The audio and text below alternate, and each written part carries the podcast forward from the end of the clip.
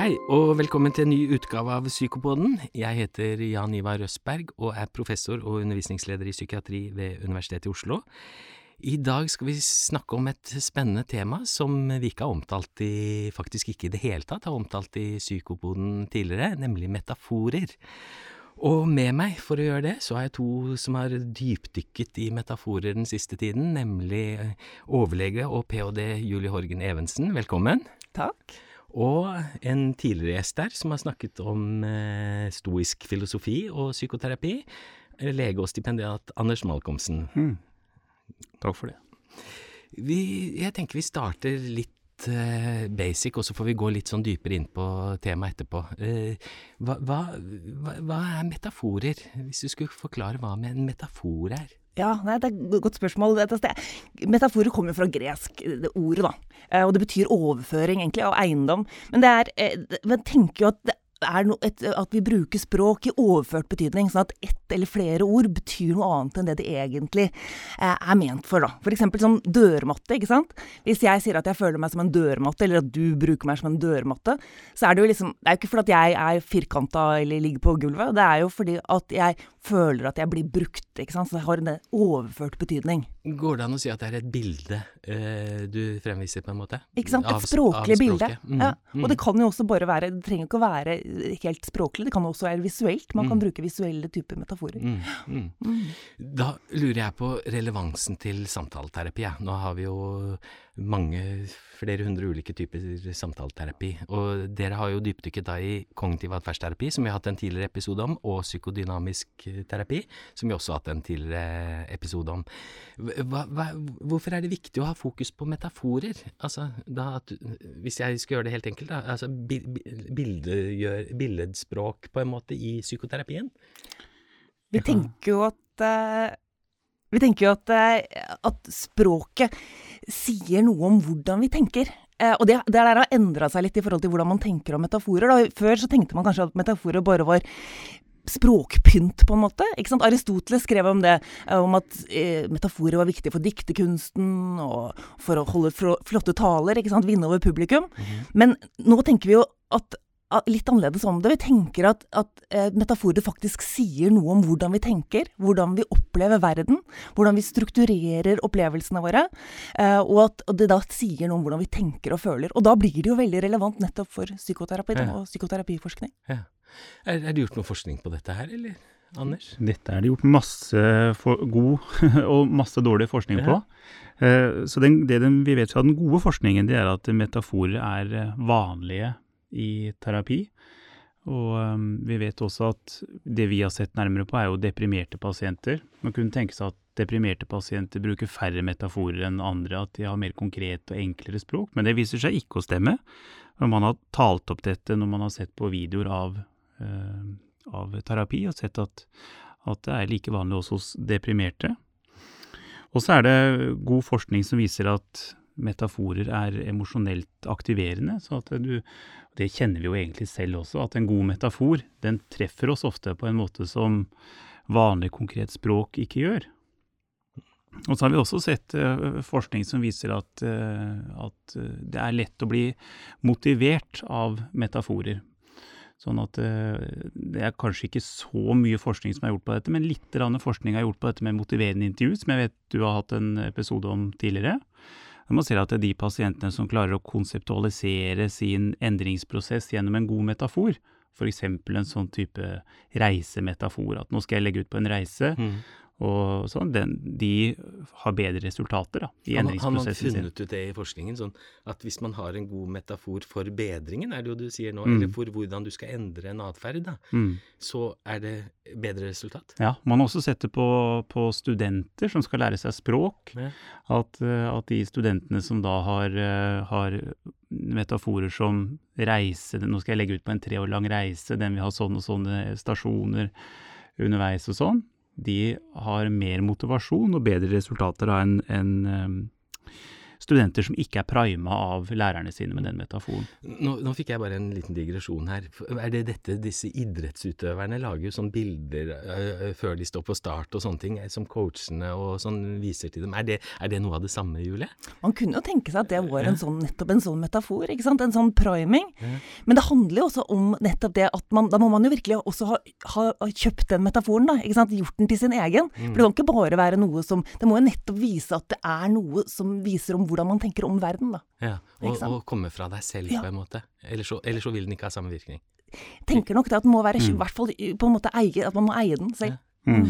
Eh, det var to ting du sa, Anders. For det første sa du at det var veldig vanlig i samtaleterapi å bruke metaforer. Mm. Men eh, er det, er det, Bruker man det Det er ikke sikkert du kan svare på det, men bruker man det mer i vanlig samtale, sånn som hvis vi har en samtale her, enn i psykoterapi, eller bruker man det mindre? Vet dere noe om det? Det, det tror jeg ikke det i hvert fall er forska på. Det hadde vært litt spennende. Ja. For du kan jo tenke at hvis det er så vanlig at det kan miste litt av effekten sin, eller er en sånn vanlig del, eller et eller annet sånt, kan det ikke det? Eller?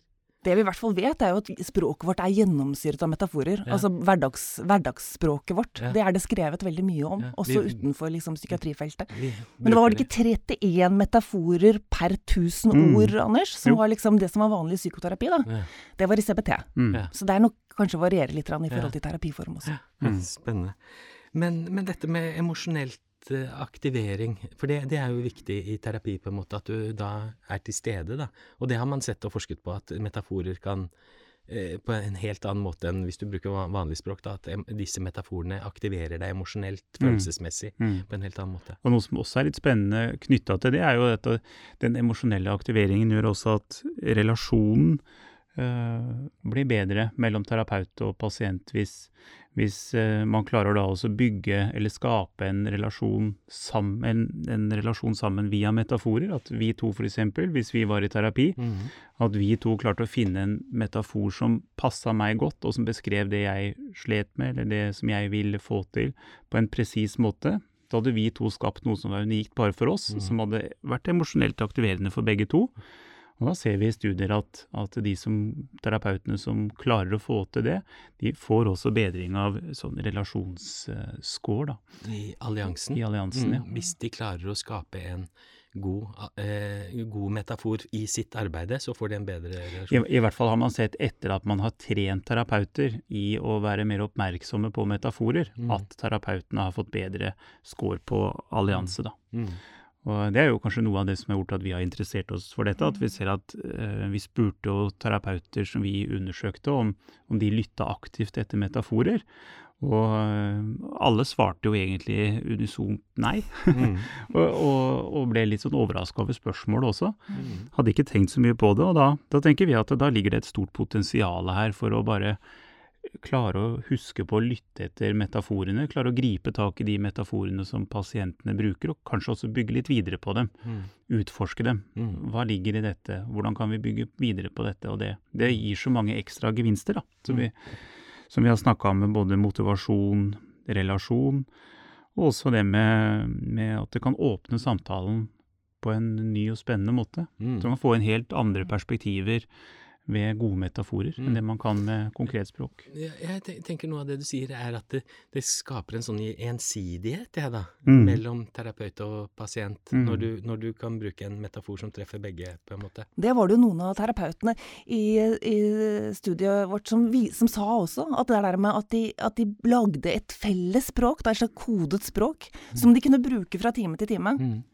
For det var jo interessant, Anders, at, at, de terapeutene som vi snakka med, de sa først på en måte så var de liksom nei, og metaforer og litt sånn Var ikke veldig bevisst på hvordan de brukte det, men de var veldig interessert i å snakke om det. Og når de snakka om det, så kom det masse gode eksempler da, mm. eh, på hvordan de egentlig, hvordan de faktisk brukte metaforer. Yeah. Og en av de tingene var jo nettopp det der med å, med å, liksom bygge en relasjon, da, bygge yeah. et felles språk. Ja.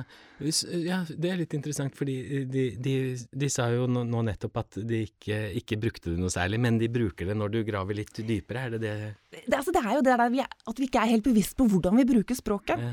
Uh, men vi bruker jo alle veldig mye metaforer. Mm. Og, og så er jo dette ganske spennende i forhold til nettopp psykoterapi. fordi at i psykoterapi så er jo språket vårt viktigste verktøy. Mm. Ikke sant? Mm. Og det med å bli mer bevisst på Mm. hvordan man bruker språket, og de virkemidlene som, språket, som er i språket, da, det Mm. tror jeg er ganske viktig. Nå brukte jo du en metafor, eh, Julie. Verktøy. Og den bruker vi også i terapi av og til. Hva er det de sier om det, da? Disse eh, som dere har snakket med? Ja, jeg syns jo det er et veldig spennende felt, for det viser kanskje noe av den avstanden som er mellom terapeuten og pasientene noen ganger, og også innad mellom terapeutene. Hvordan da? Ja, det er jo når pasientene kommer eh, til oss og vi snakker med dem om den terapien de har vært igjennom, så sier de at noen sier at jeg er veldig fornøyd, for jeg fikk mange verktøy som jeg kunne bruke. Og andre sier nei, dette var ikke noe for meg, for jeg fikk ikke verktøy. Mm. Vi har en sånn veldig klar forventning om at terapien skal gi verktøy. Mm.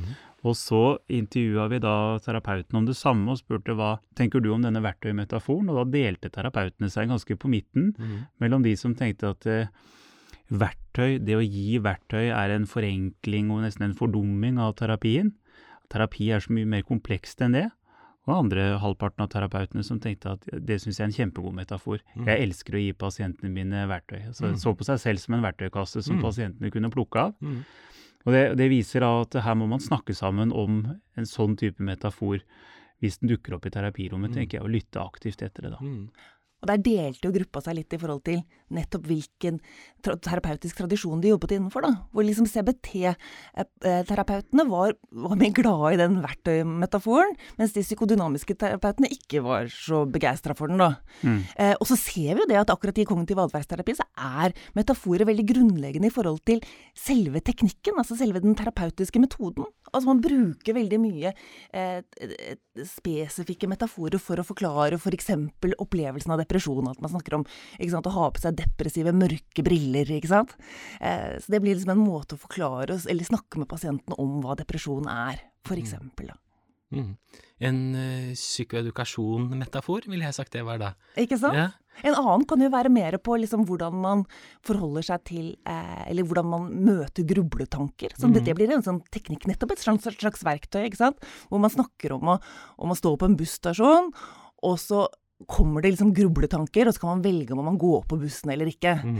Og det blir jo en sånn, nettopp en sånn metafor for hvordan man kan håndtere egne tanker. Mm. Det blir et verktøy, eh, og så blir, tenker man jo at nettopp fordi man har jobba med den metaforen i fire timer, så blir det, er det lettere å huske det når man eh, mellom timene da opplever grubletanker, og derfor kanskje nettopp klarer å bruke det verktøyet mer. Mm. Eh, Fordi det emosjonelt aktiverer deg på en annen måte Ja, enn va- va- bare vanlig snakk. og det gjør det også lettere å huske. Mm. Ikke sant? Sånn Mm. at da gjør det det kanskje lettere å, å bruke. Mm. bruke sånn. Mm. Men, men der var det Ja. forskjell? Mellom, Ja. ja. Og så bare fikk jeg en assosiasjon til det som dere snakka om nå, for jeg snakka intervjua en pasient tre år etter at hun var ferdig med terapien. Mm. Hun hadde gått i mange timer, eh, over 20 timer med terapi, og, og jeg spurte henne da hva er det du husker fra terapien i dag? Mm. Og så sa hun jo at hun huska resepsjonisten, Mm. og hvordan hun så ut. Hun huska ikke så godt terapeuten, hun huska hårfargen til terapeuten, hun huska ikke navnet eller akkurat hvordan hun så ut. Hun huska ingenting av hva terapeuten hadde sagt, men hun var kjempefornøyd, for det hun hadde lært, det var én metafor som hun huska. Mm. Og det, var at, og det var at hvis du og Det bare ligner litt på den som Julie nevnte nå, med at du må se for deg tankene dine som skyer på himmelen, som du bare kan la gli forbi, Mm. uten at du på en måte tenker at dette er noe farlig, det er bare noe som kommer og som går igjen. Mm. Og, og det var det pasienten trakk ut av hele den, det terapiløpet, var det hun huska, og det betydde masse for henne. da. Hun var fornøyd. Det er kjempeinteressant. Ja. Men, men jeg, nå ble jeg litt sånn opptatt av denne litt forskjellen jeg, som dere skal skrive om nå eh, etter hvert. Så sånn foreløpige resultater kan dere jo si litt om, tenker jeg. Mm. Uten at vi går helt i dybden. For den der forskjellen mellom I kognitiv atferdsterapi så er det jo i lærebøkene på en måte disse metaforene ofte, ofte vist. Mens så, er, så kan man jo kanskje se på den som en annen, da, litt som motstand, eller eh, et eller annet sånt mot å gå inn på tingene i mer sånn psykodynamisk tradisjon. Det er mange av de terapeutene vi har snakka med som nevner nettopp det. Mhm. At metaforer kan være et forsvar mot å gå inn i ting som er vanskelig å snakke konkret om, eller at man bruker kanskje noen metaforer som er ikke ens egne, men som er sånn floskelmetaforer. Uh, og døde metaforer, døde det, på en måte, som- som, som ikke er emosjonelt Mm. aktiverende, men som, som man bruker som, et sånn, som en beskyttelse. da. Yeah. Som man har hørt andre si, og så sier man det fordi det er trygt.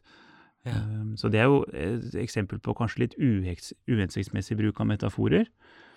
Vi tenker at de metaforene som hjelper, det er de som man skaper selv med utgangspunkt i sin egen bakgrunn og sin egen situasjon. Da. E- Eksempler på døde metaforer, da?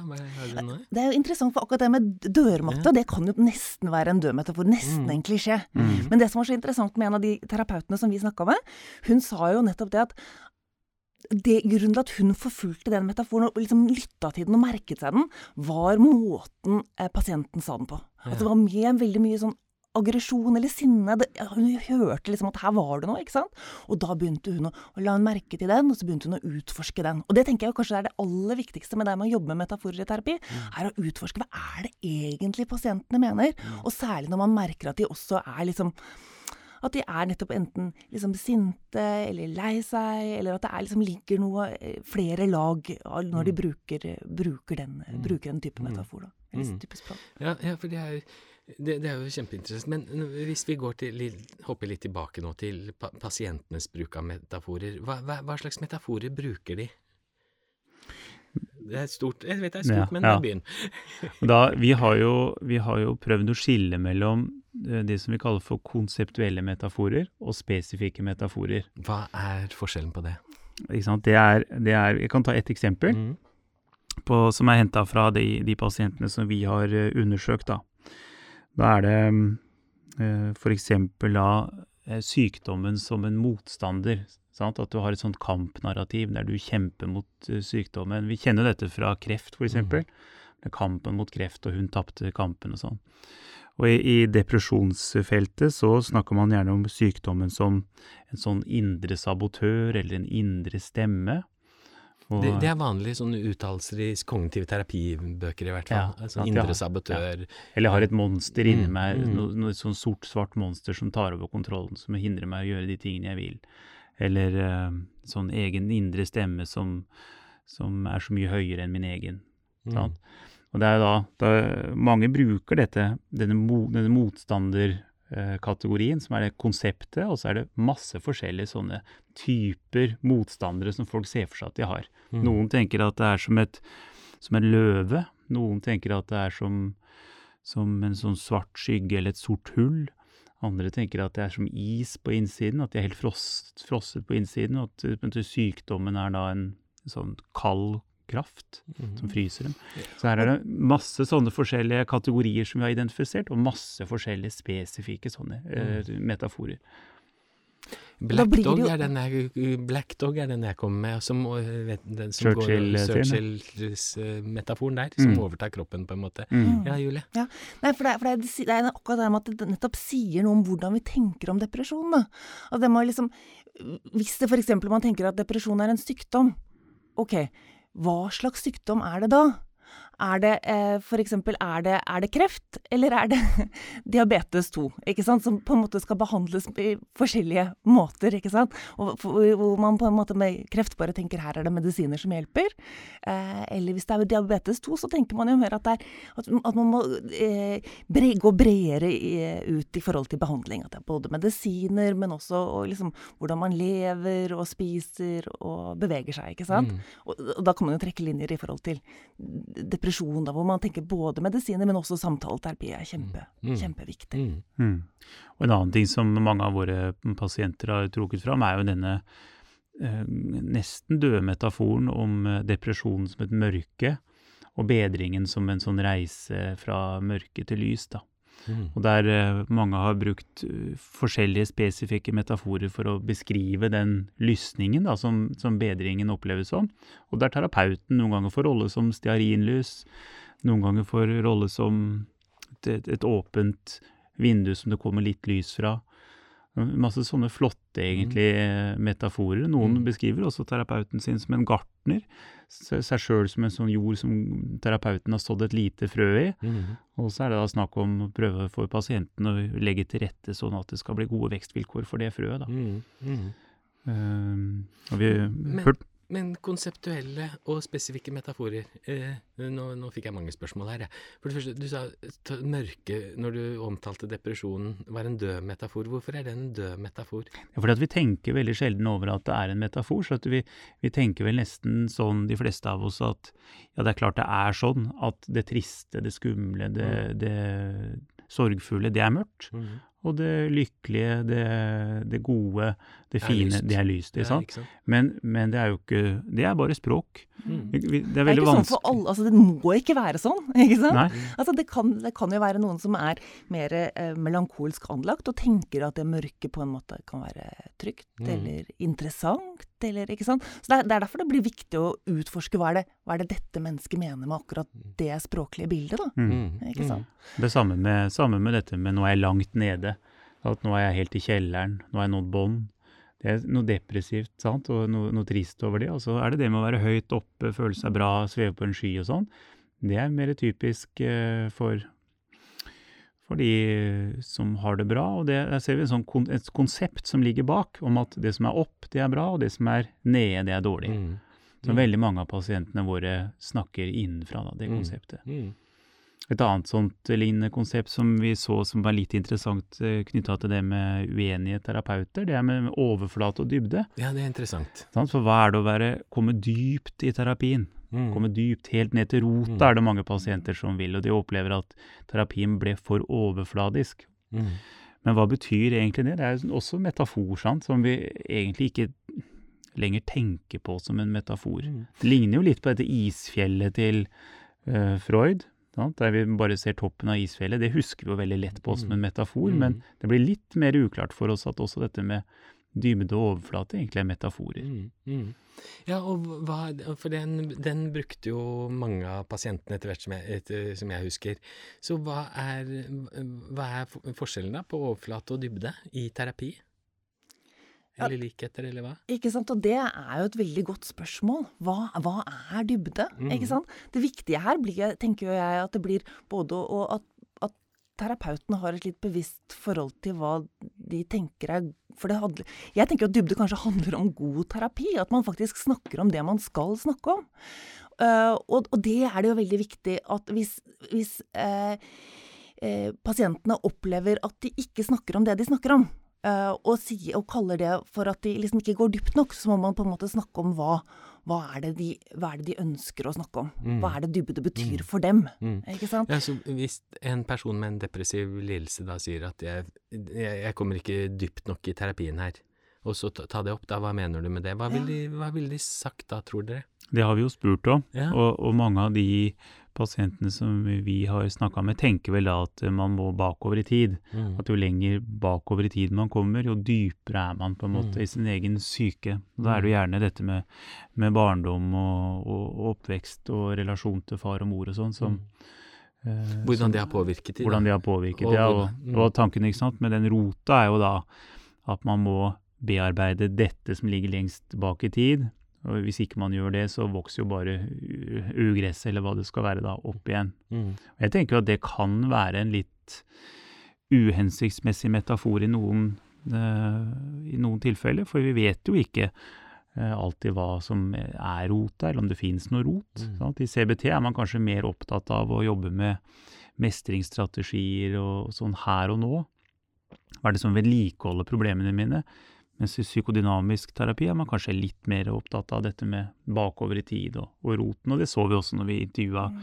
pasientene, nei, terapeutene, at uh, de CBT-terapeutene vi snakka med, de var mye mer positive til Nei, mye mer negative da, til dette med dybde, at man måtte dypt. Og, mm. og psykodynamiske terapeuter var mer positive til dette med å gå dypt. Og ja, det er viktig å gå ned til rota. Og, ja. Men også hadde en annen tanke om hva det var, da. Absolutt. Stor forskjell. De tenkte mer at, altså Psykodynamiske terapeutene tenkte mer at dybde handlet om både å utforske liksom, forsvaret til pasienten, og utforske mer overføring og motoverføringsdynamikk. Da, altså det som skjedde mellom pasienten og terapeuten. At det var dybde? At det handlet mer om dybde. Ja. At Det var liksom dybde. Mens dybde kanskje i CBT handla litt mer om utforsking av grunnleggende leveregler og sånn. Motoren til depresjonen, som også på en måte handler litt om, om barndom og Mm. ting som har formet en. Mm. Formet hvordan man tenker. Men Mm. at dybde kanskje i kognitiv terapi er mer relatert til kognisjoner, da. Mm. Ikke sant? Hvordan man tenker. Ja.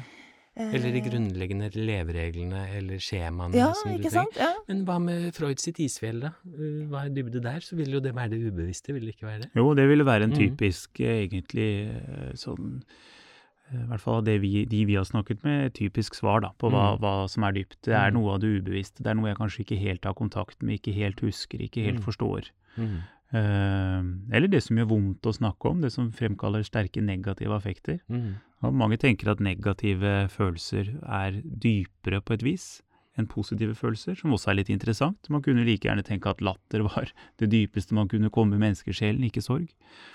Men sånn, sånn er det ikke den, eh, i hvert fall med de vi har snakket med, da. Er, Mm. er ikke oppfatningen den. Når jeg leste artikkelen, så var det også et annet spennende eh, tema pasientene tok opp, nemlig det med kjemi. Ja, det er jo en metafor. Det er en metafor. Kjemi med terapeuten. Eh, Det, det var ikke noe god kjemi, eller det var god kjemi, eller Hva, hva tenker dere om det? Det er jo tydelig at det er viktig både for pasienter og terapeuter. Mm. Altså, der var jo pasientene og terapeutene egentlig ganske enige. At dette var, dette var viktig, at det var en opplevelse. da. Eh, pasientene beskrev en sånn følelse av, av på en måte eh, at hvis det var god kjemi, så hadde man en felles forståelse. Eh, CBT-terapeutene, snak- eller pasientene, snakket vel litt om det, om at, det, at de liksom følte at de tenkte liksom litt likt om verden. Eh, Mm. og også at kjemi, god kjemi gjorde at det ble lettere å åpne seg. Så det handler jo om trygghet også, ikke sant. Men så var det litt interessant, fordi at terapeutene vi snakka med, de mente jo da at for dem så handla jo ikke kjemi så mye om uh, dette med at ja, Det er to helt forskjellige roller. Mm. Sånn at når pasientene sa at det er viktig å være interessert, at terapeuten er varm, lyttende og sånn, Mm. så var ikke det så viktig for terapeutene. Det terapeutene la vekt på, det var at pasienten var engasjert. Mm. Og at pasienten ville endre seg. Mm. At pasienten tenkte på det man hadde snakka om i timen, til neste time. Og for eh, de CBT-terapeutene vi snakka med, så var dette med hjemmelekser et, et ganske sånn viktig tema.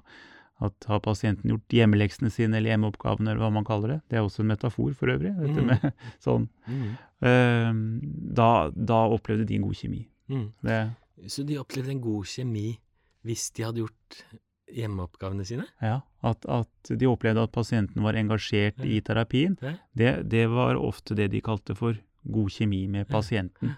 Her kommer jo motivasjon for endringer nå, da, som Mm. vi snakket om helt i starten. Mm, Mm. Mm. absolutt. Mm. Og det er eh, og dette med syns jeg også er litt interessant, apropos det med døde metaforer. Det med yeah. at uh, mange av pasientene er opptatt av temperaturen til uh, terapeuten. Ja, ja, ja hva, hva er det for At, at en, en varm terapeut var jo veldig mange opptatt av. Det er jo ingen som egentlig tenker på at, uh, at de foretrekker en terapeut med feber.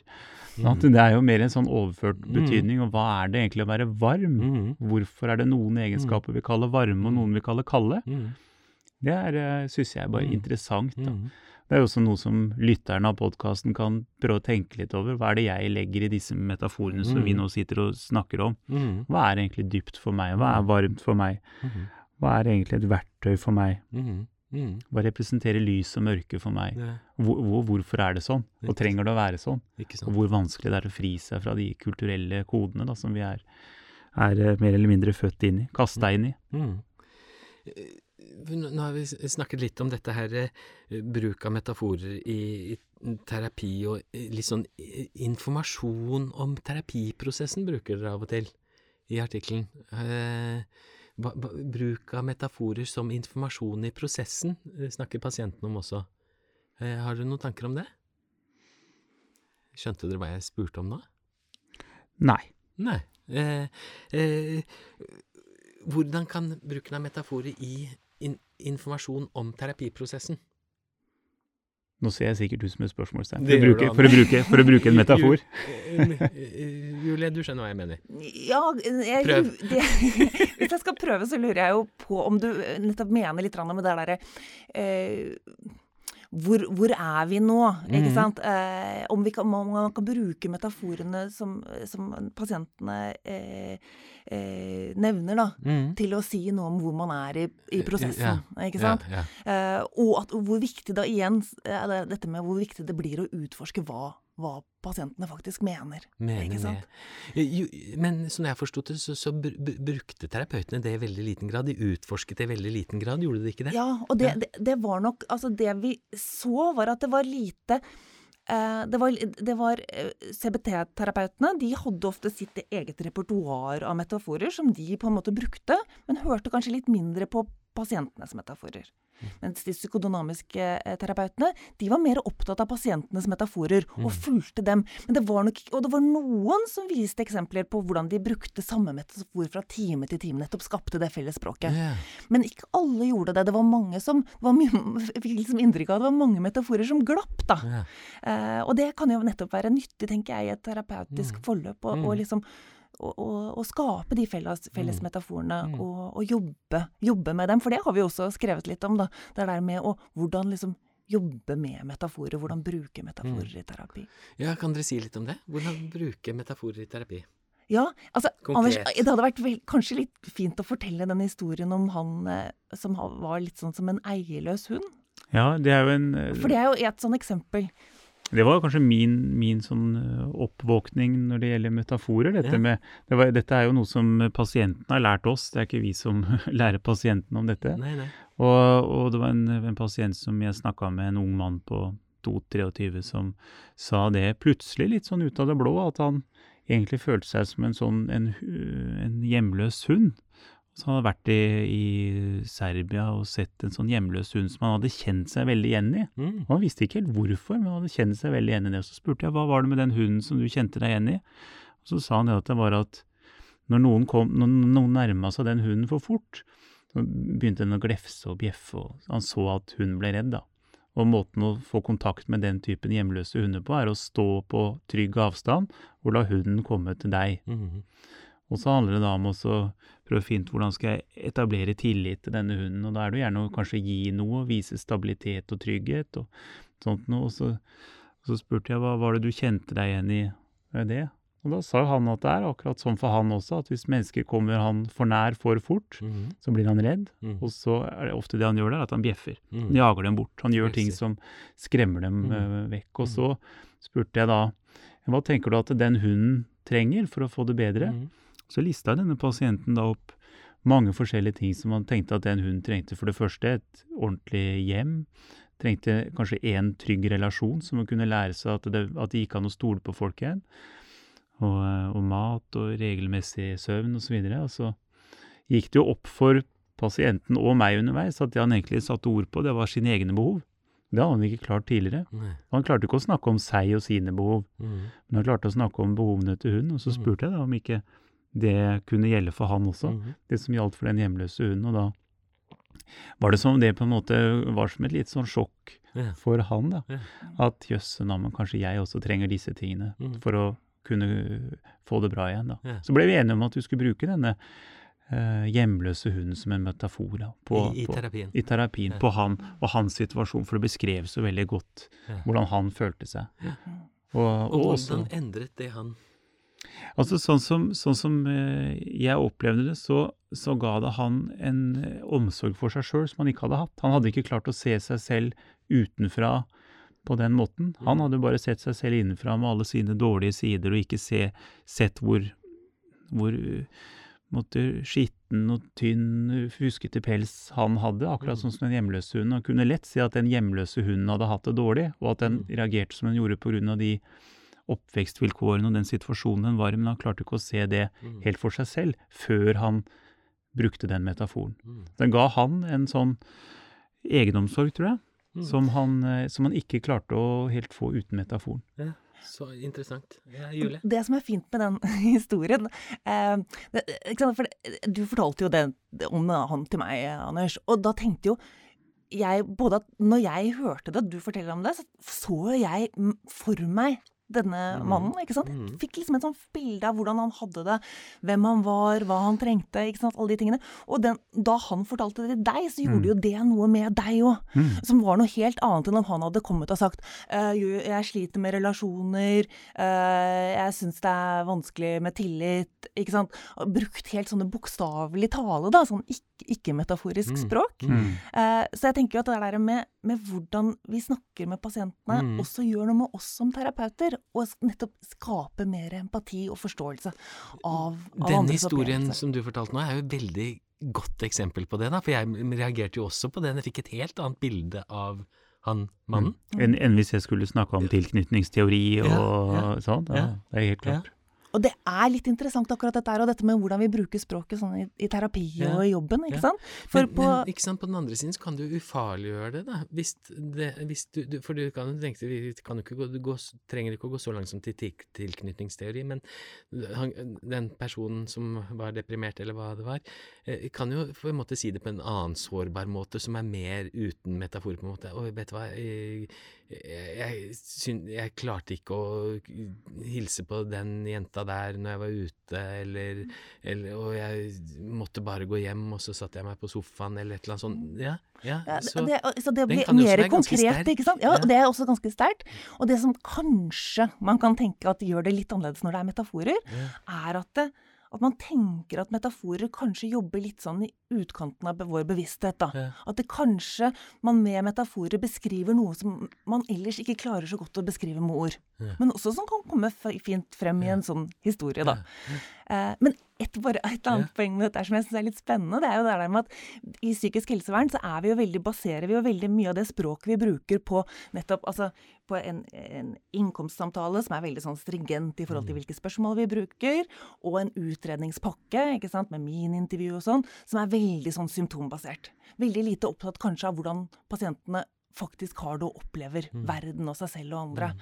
Eh, og da går vi Da kan vi som terapeuter bli litt eh, mindre empatiske. Mm. Og det, det tenker jeg er liksom fare med å, med å være Med å, å, å, å følge det der derre stringente pakkeforløpet, da. Ja, At vi mister litt sånn eh, En liten kritikk med til pakkeforløpet der, syns jeg hører. Som også er en metafor. en metafor. ikke sant? oppfordring. En metafor, ja. En uhensiktsmessig Ja, ja, for, men, men Ja, fordi folk vil jo forstå ulike ting ved ulike eh, like metaforer, for eksempel, også ofte. Mm. Ikke sant? Så, så det blir ikke så lett å skrive det inn i en innkomstjournal, da, ofte. Nei, da må man jo. Forklare hva det betyr, da. Ikke sant? Mm, sånn at men jeg syns ofte at jeg skriver jo ofte det fra time til time. Liksom Mm. litt om akkurat helt kort hva, hvilken, hvilken, om det Mm. var en god metafor, da. Mm. Så skriver jeg om det og hva det betydde for, for Mm. pasienten. For eksempel så hadde vi det der med dørmatte, da. Det er jo en sånn metafor som dukket opp i, i, i, stud, i disse artiklene Mm. og studiene. Men eh, og da tar jeg, tenker jeg på det her, det har dukket opp som noe om å bli utnytta. Det handlet om en, en gutt som hvor man etter hvert kom inn på at han følte seg tråkka på og hadde gjort det lenge, og at det handlet om seksuelle overgrep. ikke sant? Mm. Men sånn at jeg hadde liksom den, var liksom prima på den metaforen. Så da, da, da det var en pasient som brukte den metaforen, så, eh, så, så sa jeg liksom jeg, føler deg utnytta. Og så sa hun nei, nei det er ikke det. Nei, jeg bare føler meg brukt feil. Mm. Ikke sant? Og det, der, der, og det handlet om å ikke bli sett. Yeah. Ikke sant? Det, var, det handlet litt ikke om, om traumer, det var noe annet. Mm. ikke sant? Mm. Sånn at det er, der, det er viktig å utforske, da. Ja. ja, og det er noe med de bildene de skaper hos mottakeren, som du var inne på også, på, på en helt annen måte enn det mer konkrete, da. Mm. Og jeg syns jo det gjør først og fremst Grunnen til at jeg syns det er morsomt med metafor, er at det gjør terapien morsommere. Mm. Eh, både for terapeuter og pasient, tror jeg. Tror du? Gjør den morsom? blir For meg så vet jeg at det blir morsommere. Mm. Og jeg prøver nå alltid i løpet av en innkomstsamtale å klare å skape en eller annen slags eh, metaforisk relasjon da, Mm. med, med pasientene. Jeg skriver det også gjerne i innkomstjournalen. Jeg, nå. Sånn, denne, mm. denne metaforen fant vi sammen at Mm. kunne passe for pasienten. Mm. Det kan, kan man kanskje jobbe videre med, Mm. kanskje ikke. Mm. Mm. Men jeg syns det er en morsom måte å møte, møtes på. Og det er også en sånn felles kreativitet og skaperglede i det. Det. Det å være i terapi skal jo være vondt og vanskelig, men det kan også være litt gøy. Hvis man da tenker at nå skal vi skape noe sammen som kan være med på å endre noe og være viktig. Det er Mm. veldig morsomt. Felles Mm. prosjekt, det òg. Bare lyst til å si noe for siden det er, denne podkasten er mest for legestudenter, så er det innmari viktig, som vi også sier veldig ofte i undervisningen, at innkomstjournal og diagnose er aldri nok for eh, når du skal behandle pasienter. Du må også ha en kasusformulering, du må forstå hvordan symptomene er dykket opp, hva som vedlikeholder de, og hvordan du best kan intervenere. Og, eh, så det er innmari viktig å ha med seg, og dette er jo en del av det, tenker jeg. Den der, kan gå inn i den mer kasusformulering for å forstå hva pasienten vil ha hjelp til, som må være i ekstra i forhold til diagnosen og innkomstjournalen. Mm. Det tror jeg er viktig. Eh, Vi må mm, avslutte snart. Er det noe sånn veldig dere brenner inne for nå, eller? For jeg, har, jeg brenner inne med et veldig siste spørsmål til dere. Nå er dere spente, tenker jeg. Fyr løs, for Ja, å bruke den metaforen. Jeg lurer på det, det dere har sagt nå. Nå har dere jo vært veldig sånn eh, Det er to ting jeg, som vi må snakke om før vi avslutter, forresten. Det ene er, eh, er Kan metaforer ha negative effekter? Ja, det, du hadde jo Jørgen Flor her som snakket Ja, om, eh, ja. om negative effekter. Men da snakket vi ikke om eh, metaforer. Nei, ikke sant? Men negative effekter av terapi eh, om, Nei, men man kan sette seg fast i metaforer, tenker jeg. Og, og det, det er vel det vi har kalt uhensiktsmessige metaforer, og det tror jeg at man kan jobbe med. Og når vi snakket med terapeutene, da, så sa jo de også ikke mange, men noen sa at de jobber med metaforer enten i metaforene, eller at de prøver å endre metaforene Mm. til, til, til pasientene. Mm. Og det, er- for det er det der med Og hvis man føler seg som en skadeskutt uh, dyr eller, øh, eller et, liksom et, et brent barn, og det liksom blir en sånn får en sånn definisjonsmakt, da sånn er jeg, Mm. så er det jo noe med å, med å utfordre det, og Mm. snakke om hvordan det er, og ikke sant, eventuelt hva, hva trenger det brente barnet for å Mm. bli bra igjen, da? Mm. Hva trenger den skadeskutte, det skadeskutte dyret? Det må å, å jobbe, jobbe Mm. med det. Mm. Og det er jo noen pasienter som kommer kanskje spesielt i depresjon da, og sier at de sitter helt fast. Mm. Helt, helt fast. Det er Mm. å prøve å ta utgangspunkt i det da, og si ja, hvordan, hvis man tenker på dette med å endre i metaforen, hva, hva kan vi gjøre for at du skal klare å løsne litt? Ikke sant? Mm. Kan vi olje maskineriet på noen måte? Er det, Mm. er det et eller annet som sitter i klem? Er det noe vi kan, så Mm. hvor skal vi begynne? En liten, Mm. Eller noen som sitter fast i gjørma, ikke sant? Er det mulig å få én tå Mm. Opp. Mm. sant? så har vi begynt. Mm. Eh? Prøve å da kanskje være i den metaforen. Du Mm. trenger ikke å forkaste hele metaforen. Noen metaforer bør man kanskje forkaste, noen kan man også jobbe med Mm. gradvis. Mm. Bruke det som et felles språk Mm. og en felles sånn Mm. plattform å jobbe ut Mm. fra. Mm. Ja, for det, nå er det mange ting vi har snakket om her. ikke sant? Denne er jo å bruke metaforer som psykoedukasjon på mange måter. ikke sant? At uh, vinden og tankene blåser er ikke farlige og sånne ting. Nå brukte du å ta ett steg av gangen, ikke Mm. sant. Mm. Og, og, og, men også det der at uh, metaforer kan bidra til at du reflekterer litt over deg selv i verden, da, eh, på mange måter, som vi kan tenke oss er en effekt, eh, så en viktig effekt i psykoterapien. Men også dette med relasjonen, at det kan bidra til at relasjonen blir bedre. Dette med motivasjon, og det også at det øker den der emosjonelle responsen. Empatien. Empatien, Mm. ja. I den. Alle disse tingene tenker vi jo er viktige i terapi. Men er det noen studier, eller har dere tenkt på det, er det noen studier som har vist at bruk av metaforer bedrer utbytte til mm, personen som har kommet med den psykiske lidelsen, f.eks. depressive plager, eller angst, eller personlighetslidelser, eller noe sånt noe? Her tror jeg det må gjøres bedre forskning, da. Mm. Altså, det, er vel, det er vel noen studier som kanskje hinter litt om det. Hinter litt om det, ja, men det er så få, eh, det er så få personer, og det er såpass mm. Ikke dårlig forskning, men den er sparsom, da. Mm. Sånn at eh, vi, vi kan nok ikke slå fast det, men vi, vi, vi tror det. Da blir jeg veldig nysgjerrig som forsker. Eh, eh, Hvorfor har ingen gjort det, tror dere? Dette beskrev dere fra Aristoteles, dette er gammelt materiale på en måte, og så er det ingen som har forsket på det. Det er mange som har skrevet om det. Det er mange som har tenkt at metaforer har vært viktige. Mhm. Men dette er jo ikke så lett å forske på. Men det er kanskje lettere nå at vi er bedre I hvert fall altså eh, Nå tenker jeg i forhold til flere år tilbake, da. Men vi kan kanskje Det er jo krevende, ikke sant. Da må man nok se gjennom mye timer og følge opp og, og sånt. Mm. Men sånne type studier vil være veldig spennende. Så det Mm. er mm. spennende. gøy Du, å ta da, da tak i. utfordrer jeg dere til neste gang dere kommer hit, ja, så kan vi snakke om resultatene da. Er dere ikke enig i det? Den utfordringen er tatt. Ja.